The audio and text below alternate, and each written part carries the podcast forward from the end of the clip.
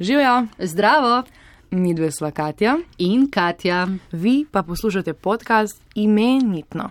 Zgodbe ljudi z imenitnimi imeni. Ej, tole ime je res dobro. Res.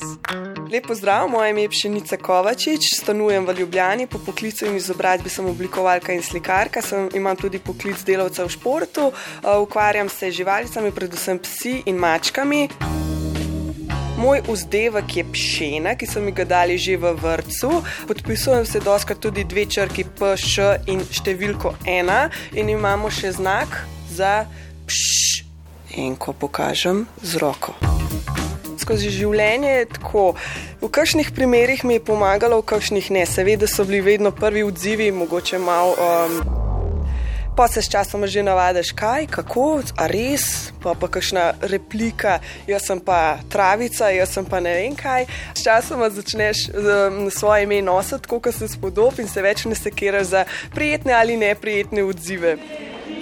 Moji neprijetni spomini glede imena so predvsem to, recimo kot otrok, ne, je vedno bila neka fobija pred temi javnimi predstavitvami, ker so se seveda vsi začeli smejati. Ne. Vsem je bilo to blazno smešno, ampak s časoma smo itak vsi postali prijatelji, tako da to ni bilo zdaj neka ovira, ampak mogoče pa definitivno prebil tudi led, da so se pa te otroci vse te hitreje približali, kot če ne bi bila pšenica oziroma moja sestra bila tudi krsnica, če so bile skupaj, bilo to sploh zabavno.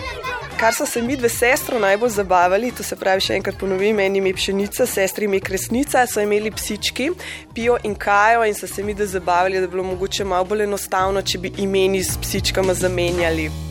Če bi se vrnila v otroštvo, bi bila mogoče najraj Nike, pa ne zaradi te um, znamke trgovske, oziroma te za športno opremo, ampak zato, ker je bila to grška boginja zmage in jaz sem si pač nekako z njo poistovetila, zato ker sem rada prebirala tiste grške mite in bajke in potem sem zdela Nike s tistimi krili tako najbolj, najbolj uh, blizu. Ja. Moram pa reči, da sem hotela biti že vse od Anite Nike. Ne vem, pač od običajnih, ok, mogoče še kakšno šira, sem tudi hotela biti. Ne. Sem, če kaj, kaj, kaj, princesa, zafira, vse sem hotela biti. Dobra stvar imena je pa to, da se te v kakšnih javnih institucijah in ustanovah se te kar dobro zapomnijo, ali pa tudi, če te osebno ne poznajo, si zapomnijo tvoje ime in mogoče ti to ulajša marsikatero urejanje.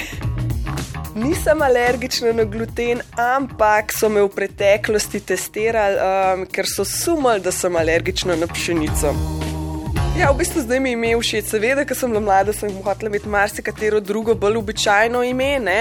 ampak zdaj sem se ga želovala in zdaj mi čisto ok. Ne? Se mi zdi, včasih sem bila za vse pšena, zdaj mi pa že kar kul, cool, če sem za koga pšenica, mogoče celo gospa pšenica. Tako se mi kar dopade.